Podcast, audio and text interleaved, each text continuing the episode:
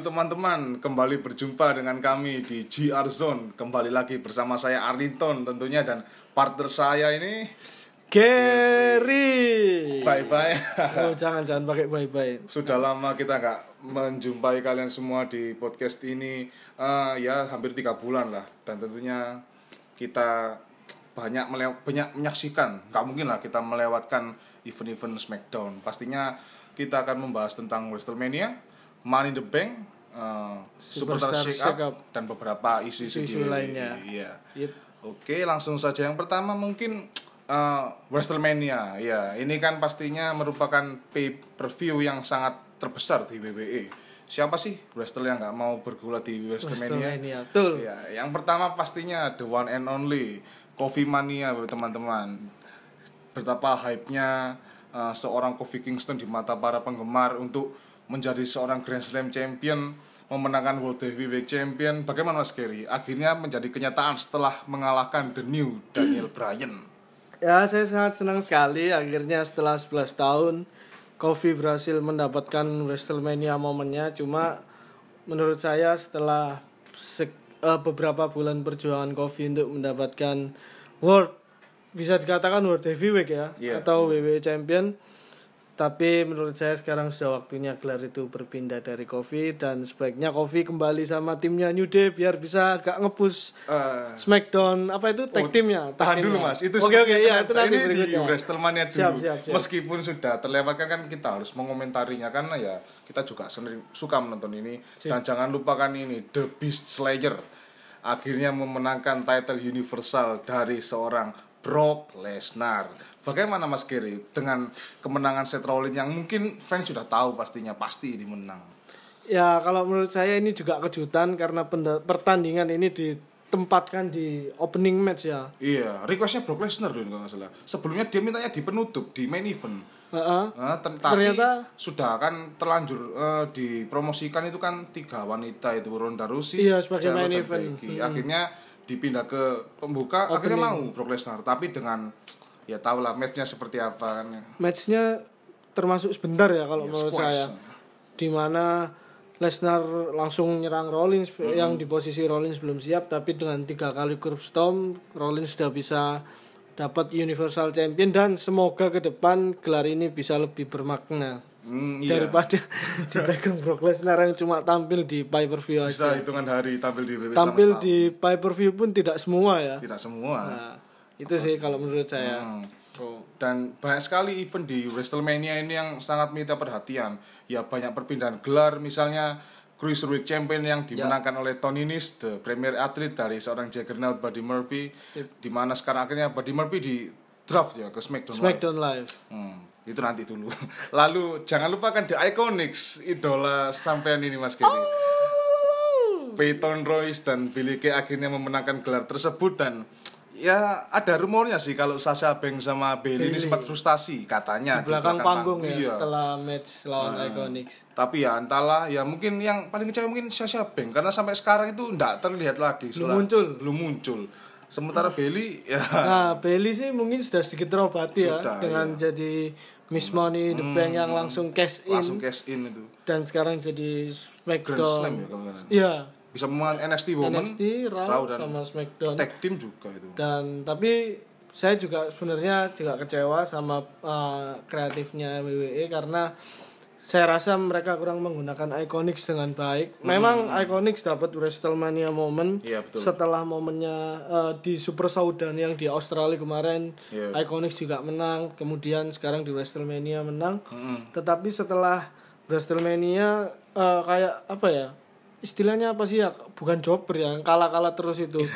Ya mungkin dibuat seperti Iya, itu. dibuat Jadi kesannya dia sebagai champion tuh uh, Nggak laki-laki champion, ber- champion yang beruntung untuk mendapatkan gelar. Iya.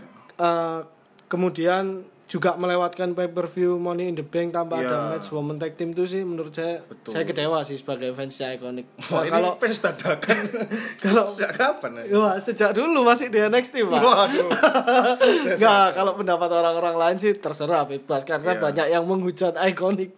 Anda itu selalu ngefans sama yang heel-heel ya? Oh. Dari Randy Orton, Iconics. Wah, Habis ini biar face-nya Anda kan biar Waduh. saling melengkapi. Saya tergantung sih siapa ya. Mati. itu digantung. Eh, terus, terus. Lalu jangan lupakan ini Kurt Hawkins yang akhirnya pecah telur ini Ya. setelah kemenangannya tag team.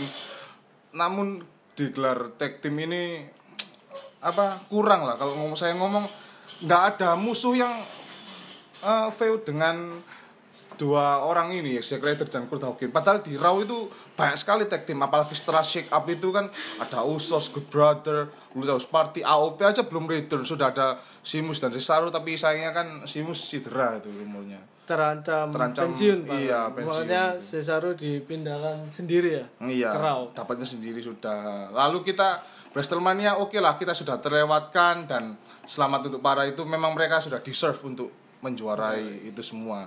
Lalu kita beranjak ke Superstar Shake Up di mana eh, Shake Up tahun ini sepertinya itu ya nggak endang kayak tahun lalu ada wildcard Aneh, rules. aneh. Sedikit Iya. aneh karena beberapa peraturan yang baru apa wildcard rule itu Nah. jadi kita kehilangan esensinya brand split ini sih kalau menurut saya. Iya, makanya kan Gimana? Eh. kan yang pertama kan hari pertama kan Raw yang mendapatkan brand split itu mendapatkan Ya. AJ Styles sudah diprediksi pasti dia akan Dan pindah ditukernya sama Roman Reigns. iya sebanding ya sudah sebenarnya. pasti.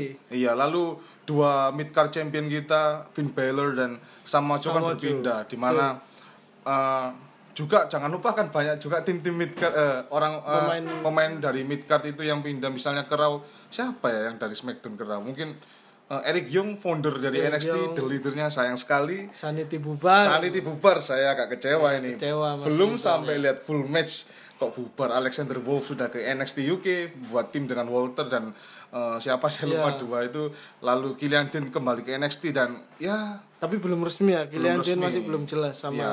Nicky Cross yang masih ya lalu lalang ke Raw iya SmackDown belum juga jelas ini nggak tahu apakah ada perubahan gimmick dari Nikki Cross sepertinya nggak terlalu gila seperti yang di NXT gitu Nah, jadi dan karena uh, adanya wildcard rule ini kan kemarin uh, Mas Arlington katanya juga sempat baca karena permintaan televisi televisi Iya, itu dari gimana? Pihak Ah. televisi kan mereka kalau nggak salah menginginkan sosok Roman Reigns di setiap eh, acara Raw atau SmackDown sehingga mungkin Vince mengat- eh, membuat eh, Peraturan peraturan, wildcard ya. ini. Iya yang ya bisa dibilang nggak perlu. nggak perlu lah. Buat apa kalau ada brand split tapi ujung-ujungnya superstar dari tiap brand itu bisa tampil di brand lainnya setiap minggu malah. Jadi kan kita ter monoton mungkin melihatnya itu-itu aja. Kasihan kan yang talent-talent lainnya gara-gara wildcard rules ini. talent-talent yang mid card sampai dibuatin apa itu gelar apa? Oh iya, Dua- 24 per 7, 24 per 7 championship. championship itu wih, Saya kira itu hardcore champion kan yang bawa Mick Foley. ya Konsepnya saya- sama. Semuanya ngiranya hardcore champion cuma ternyata itu gelar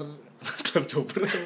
gelarnya nggak jelas maksudnya Lupa. eh, karena bisa di kapan pun di mana pun selama ada wasit bisa langsung Iya. diperebutkan ya kayak pertama kali yang dapat Titus terus hanya beberapa menit langsung ke Bobby Roode. Rob, Oh, Robert Robert, Robert sorry, Roode, sudah ganti nama. Iya. Robert Roode terus kemudian terakhir Arthur. Arthur sampai Arthur. sekarang masih Arthur sih Iya, Ya.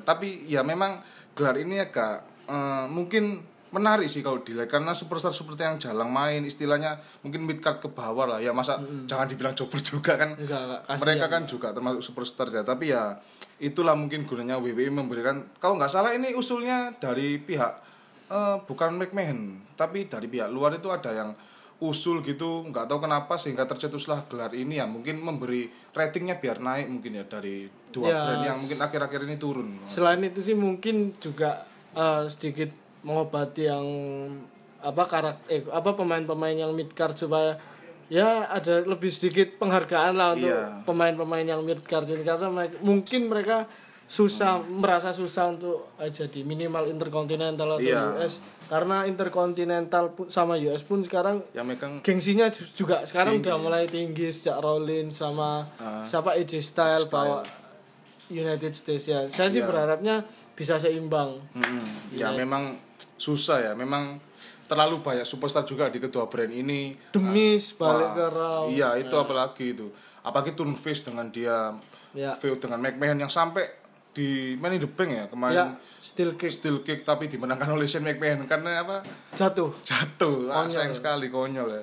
Tapi nggak tahu ini sampai kapan feudnya demi selalu jangan lupakan di divisi tag timnya Raw ini seperti yang saya bilang tadi Ya. sabuknya ini belum berpindah gelar Masih masih Hawkin ya sama Iya, Ryder. Ryder. Belum ada match juga ya kan Iya. kemarin di mana in the Bank. padahal saya berharapnya revival ini eh, terus membuat title ini menjadi lebih kompeten lah kalau saya bilang the revival ini Nah, namun nyatanya kok tambah ke bawah lagi mereka ini nggak tahu kenapa Ya mungkin sejak WrestleMania kalah Hmm. ah, kan habis berpanjang kontrak apa belum sih? Is- sepertinya tidak memperpanjang mereka kalau nggak salah Nah, jadi kalau saya baca yang eh, akun idolanya Mas Arlinton di Instagram ya, oh iya itu eh, jangan berharap kayak Good Brother atau Revival dapat peran yang baik karena memang karakternya eh, orang-orang ini katanya tidak tidak ingin memperpanjang masa kerjanya di WWE jadi jangan berharap mendapat Hmm. Lebih eh, ya, po- cerita-cerita lebih atau Story peran yang peran lebih, lebih. eh, story yang bagus gitu sih menurut saya. Iya, iya. Lalu jangan lupakan Women's Division di Raw ini.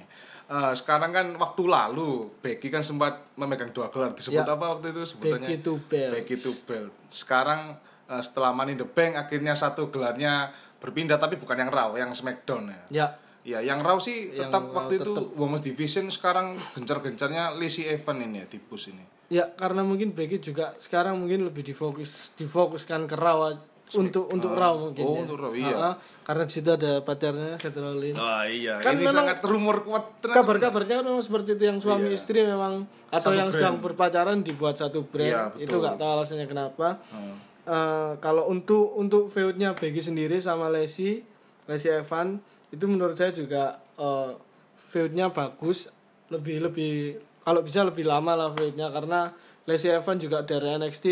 Memang dia gak, gak pernah juara Women NXT tapi Hmm. eh, ba- badannya terus apa Fisiknya, ya posturnya. fisiknya posturnya juga Karakternya pembawaan juga, iya. karakternya juga dapat jadi menurut saya sih layak Lacey Evan untuk langsung langsung di feudkan sama Becky meskipun banyak yang bilang Hmm. Terlalu Hmm. kayak terlalu cepat terlalu apa tapi memang yang menjual Lacey Evan daripada yang lain Iya benar. menurut saya sih itu Kalau menurut saya sih eh, saya baca ya langsung saya saya sebut saja karena Ya, ya. memang inspirasi saya dari akun ini di wrestlingfact.id. Ya. Jadi teman-teman yang belum follow silakan follow. Di situ banyak sekali berita-berita atau mungkin teman-teman mau bertanya nggak cuma WWE ya Gak cuma WWE semua, ada NJPW, ROH ataupun AEW yang ini lagi gencar-gencar. AEW. Tapi untuk AEW ini mungkin saya perlu belajar, perlu melihat lagi iya. ya untuk mengulas AEW ini yang sepertinya menarik untuk diulas lebih lanjut. Iya. Apalagi John Moxley. Nanti, nanti. Oh nanti, aduh saya sudah hype ini.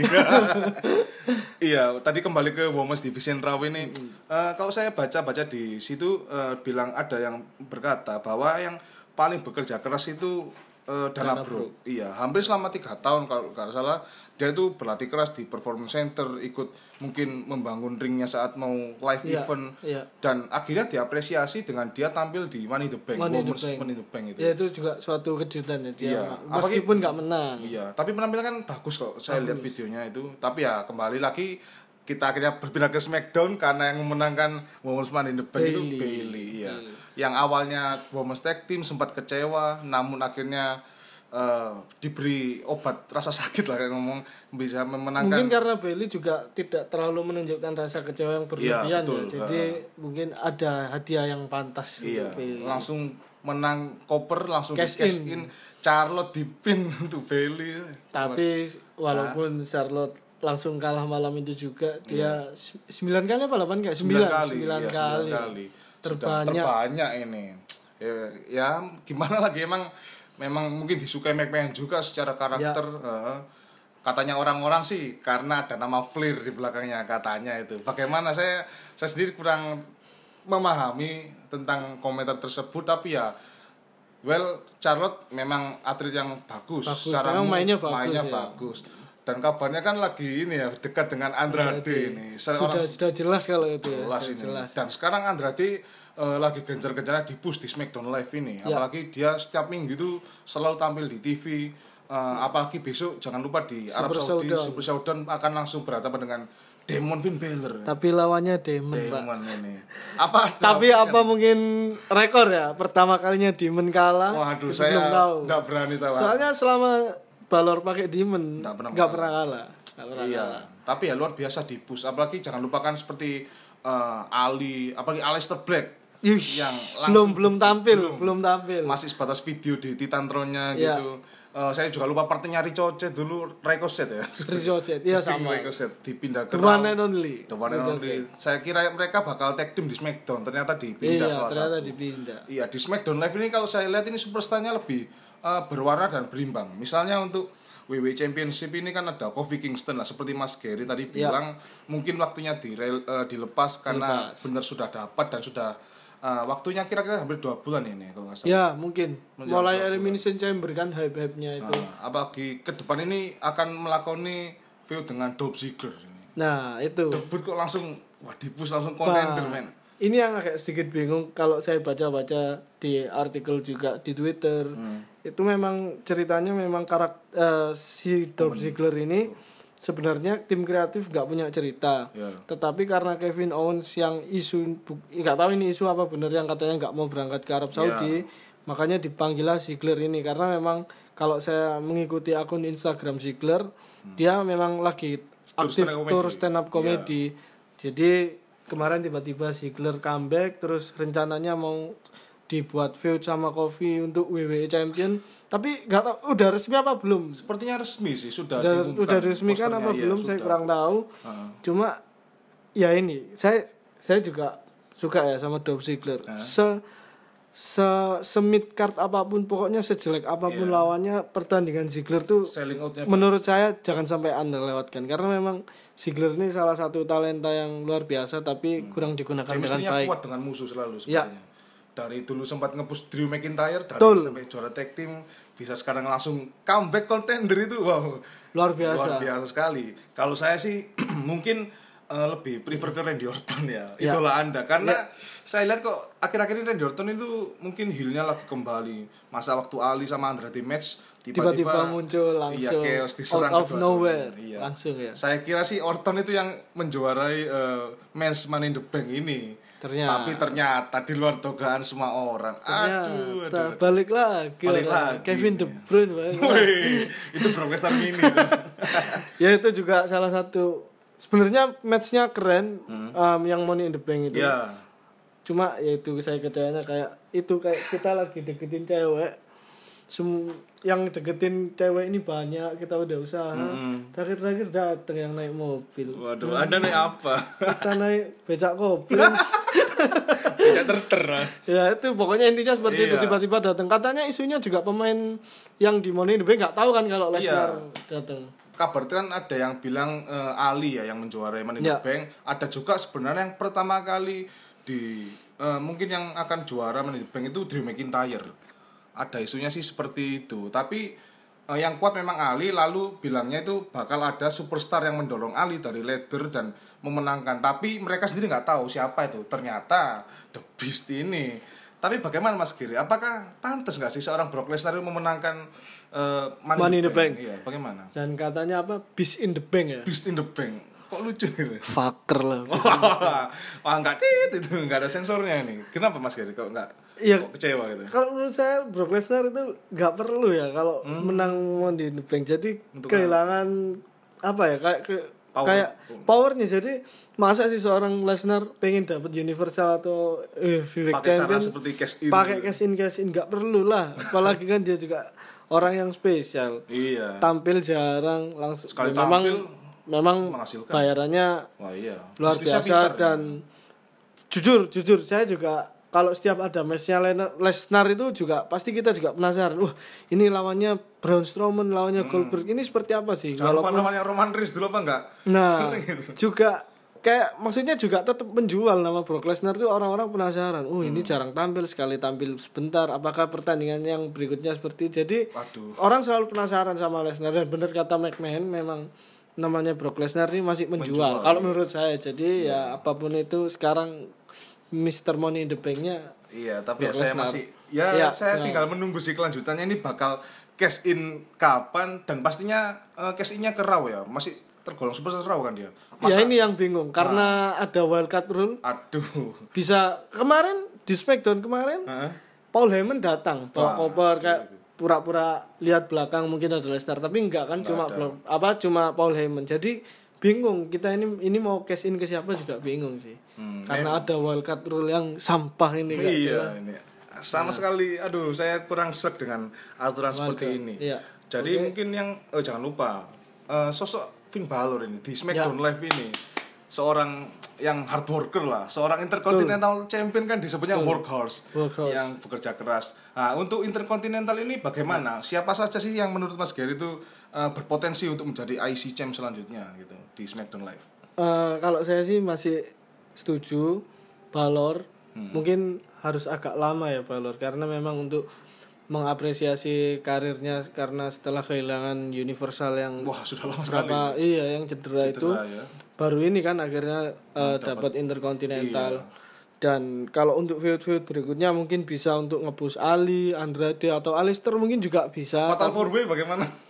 Bisa bisa Fatal Iya. Four Way mungkin bisa bagus ya itu matchnya cuma saya tetap masih Balor Oh, kalau kalau saya sih Ya. saya inginnya tuh eh, Ali ya. Saya lihatnya tuh keren gitu loh. idola anak-anak zaman sekarang Ali. Waduh, iya. Aladin nah, dulu kan seperti itu apa karakternya waktu Ya. di 205 Betul. dan jangan lupa dia debut di SmackDown Live itu melawan Daniel Bryan loh. Tapi kalah. Iya, istilahnya nggak enak ini mas Giri, tapi kalah.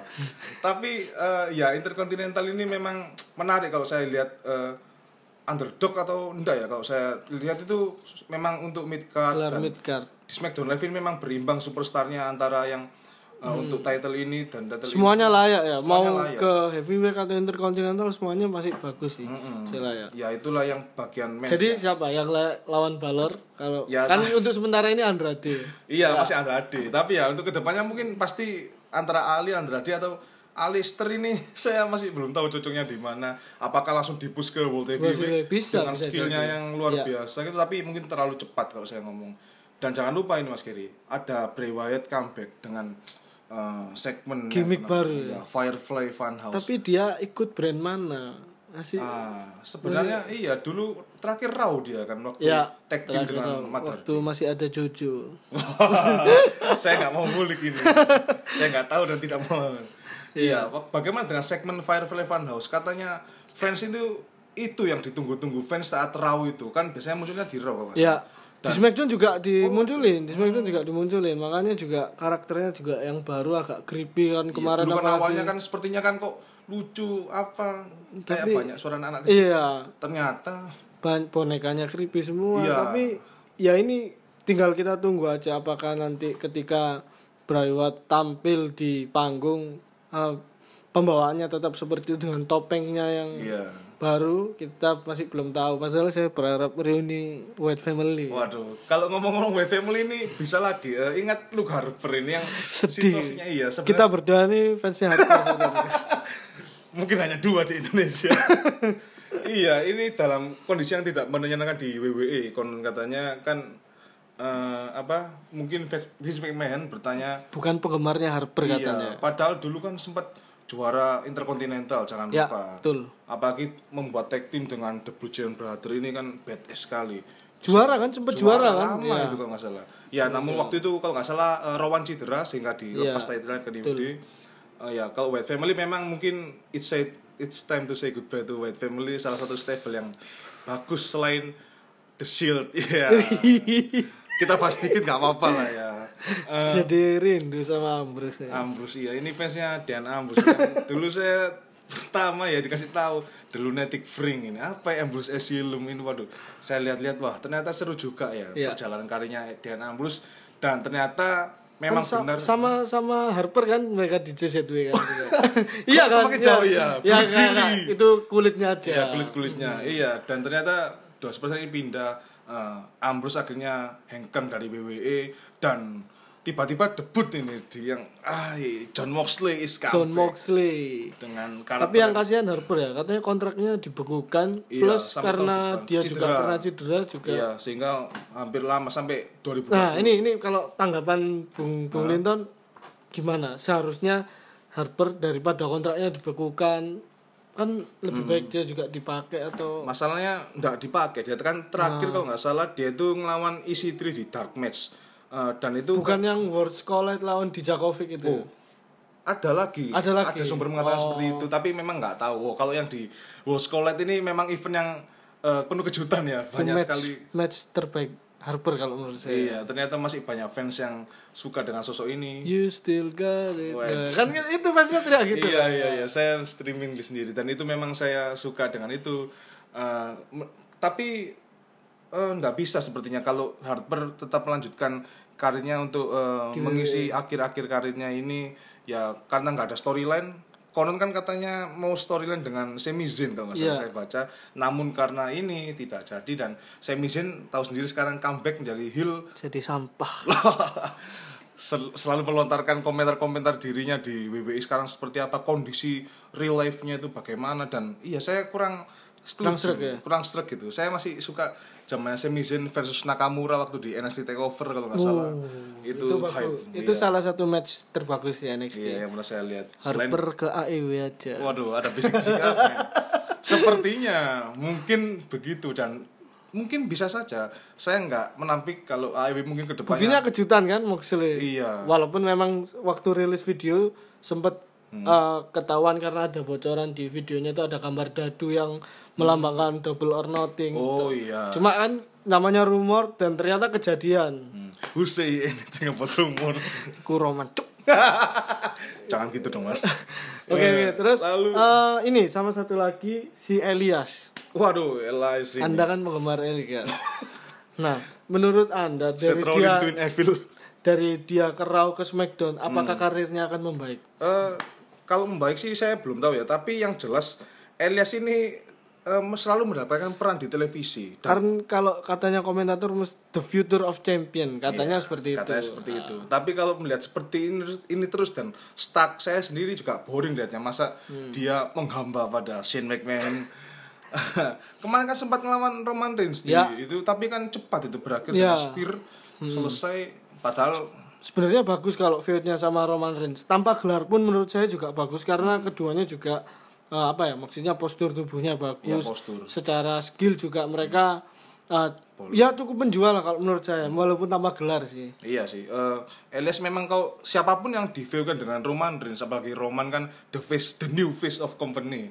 Siapa sih yang nggak bakal kepus gitu Ya, seperti betul. Elias ini ya memang ke depannya masih tanda tanya Elias ini. Ya mungkin bisa lah di kan kembali dengan Finn Balor kan sudah sering itu dulu. Ya, Ah, di IC Champs. Lalu ya memang untuk Elias kalau saya sendiri tetap tetap lihat sih meskipun agak boring akhir-akhir ini lihat Elias seperti ini terus apa Elias ke IC juga atau ke langsung WWE Oh, champion? nggak bisa kalau WWE champion ini.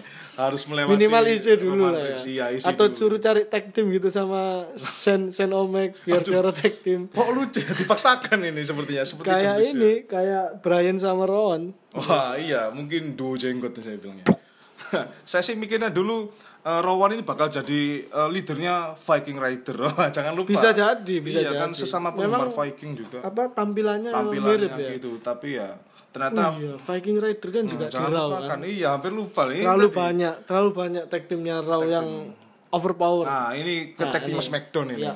Kita tahu kan sekarang Iya, untuk tag team Smackdown ya kali ini. Tim di Smackdown Live ini sepertinya eh, kok lebih lemah daripada di Raw. Tahu sendiri kan di Smackdown Live ini yang juara tag team sekarang siapa ya? Apakah masih The Daniel Bryan dengan Rowan atau kemarin match sempat kalah? Itu perebutan title atau tidak? Saya lupa. Iya, Kak saya saya saya juga gak lihat matchnya karena kick off ya. Jadi saya males lihat. tapi karena Uso Uso menang tapi ternyata bukan ini, bukan ah ya non non title, non title. oh, Tapi soalnya Uso kan ikut Raw. Iya. Nah, maksud saya sih kalau Uso itu biar jadi ikonnya Smackdown gitu loh. Jadi biar Smackdown dia team. Smackdown kan di situ juga udah ada Matt Hardy sama Jeff Hardy. Kalau misalnya orang dua ini feud entah siapa yang jadi apa heel atau mereka tetap sama-sama face. Ini tetap pertandingan yang menjual walaupun Matt sama Jeff is- usianya tidak bisa bohong ya. Personanya itu Tapi tetap memang ha, di mata fans. karismanya Matt sama Jeff itu pasti masih dapat. apa pun pertandingan mereka pasti pasti bagus Iya, tapi saya. kan ingat Jeffnya ini mengalami cedera sayang sekali. Iya, makanya relinquish. Dalam story kan diserang Lars Sullivan, the monster of SmackDown. Live. Bagaimana ini? Saya sih mikirnya nanti ke depannya itu di sebuah Survivor Series ada tim Braun Strowman dan Lars Sullivan dan mereka ini menjadi last man di tim tersebut dan feud. Saya sih mikirnya waktu itu lalu seperti itu. Tapi kan eh, tahu sendiri waktu ini awal eh, sedang panas-panasnya eh, Twitter atau cuitan dari Lars Sullivan ini muncul ke permukaan tentang ujaran ya rasis Ujaran atau kebencian. kebencian itu. Tapi kan- Radikal. sangat sensitif. Jadi kan tapi kan WWE sudah memberi denda dan katanya sih mengirim dia untuk mengikuti semacam pelatihan apa etika atau apa itu. Iya, kayak kelakuan-kelakuannya gitu lah. Psikiater kayak psikiater gitu ya. Mungkin seperti itu sih. Ya, itu sih kalau untuk Lars Sullivan ya kita sih tetap ingin lihat sih Lars Sullivan ke depannya bagaimana. Setelah kan story-nya kan dia kan membuat Jeff Hardy cedera. Dan sayang sekali karena itu di divisi tag team SmackDown sekarang tinggal berapa tag teamnya? Mungkin Heavy Machinery, Ya. Rusev Nakamura, waktu itu sempat Finn Balor sama Ali kalau nggak Itu salah. terlalu dipaksakan. Terlalu Pak. dipaksakan, iya. Dan The Colon. waduh ke mana dia? Jelas saya ini. lihat kan waktu di Main mesti botch. The Colon tuh. Ah, kalau untuk tag team sendiri sih menurut saya ya ini sayang sekali ya. Sayang sekali Jeff Hardy cedera. Jadi kurang bisa. Sebenarnya saya masih ingin lihat match sama Jeff tuh bahwa Hardy Boy. eh iya Hardy Boys ini ngangkat ngangkat gelarnya SmackDown Tag Team ini loh. Jadi kayak wih eh, SmackDown Tag Team ini yang bawa Legend. Ah, legend. Jadi kayak lawan-lawannya masih belum ada yang bisa ngalahin. Kalau saya sih pengennya seperti itu. Cuma karena Jeff cedera di relinquish dan sekarang ke Brian sama Rowan.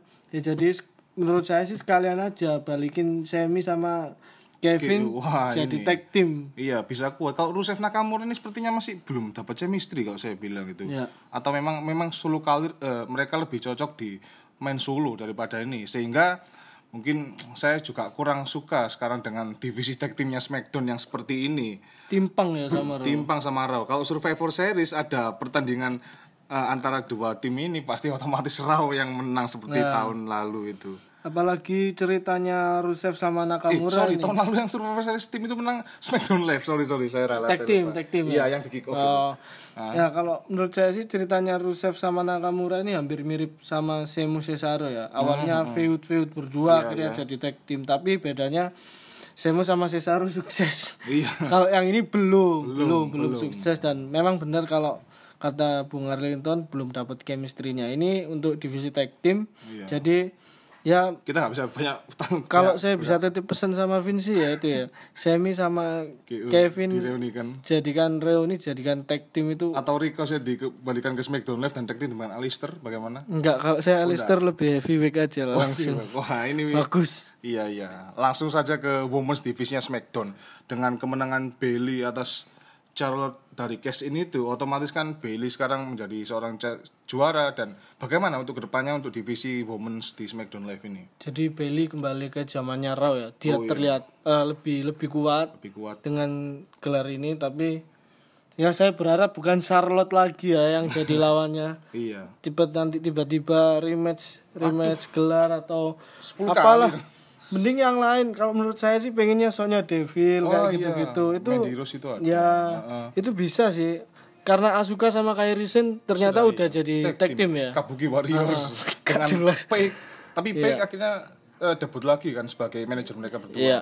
mungkin positifnya di situ jadi ya untuk SmackDown Women ini ya memang sementara biarkan eh, diberi Bailey. Bailey dan untuk kontendernya mungkin ya Sonya Deville lah kalau saya bilang ya seperti itu sih kalau pembahasan kita berdua dari awal dari Manidu, eh, dari WrestleMania Carmela Carmela Waduh Carmela biar sama Ertrud lah menjadi teman pendampingnya untuk 24 per 7 championshipnya ini.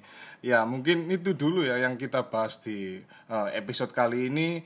Untuk ke depannya kita tetap menyaksikan pertandingan-pertandingan di WWE dan jangan lupa AEW ini perlu kita saksikan juga karena sepertinya menarik untuk dibahas ke depannya di GR Zone.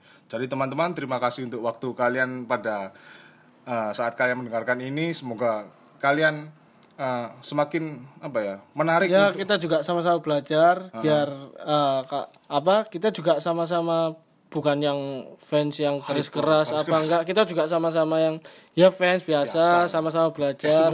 Tidak tidak terlalu apa maksudnya tidak terlalu maniak lah. Heeh. Jadi kita kita di sini hanya beropini bagaimana tanggapan kita ya tentang alur cerita di WWE Iya, kan orang bebas beropini. Jadi ya untuk akhir kata tetap semangat teman-teman, tetap meskipun jumlah kita tidak banyak sebagai pencinta WWE, tapi ya kan itu hobi kita sendiri. Jadi tetap stay tune di GR Zone untuk episode-episode selanjutnya. Bye bye.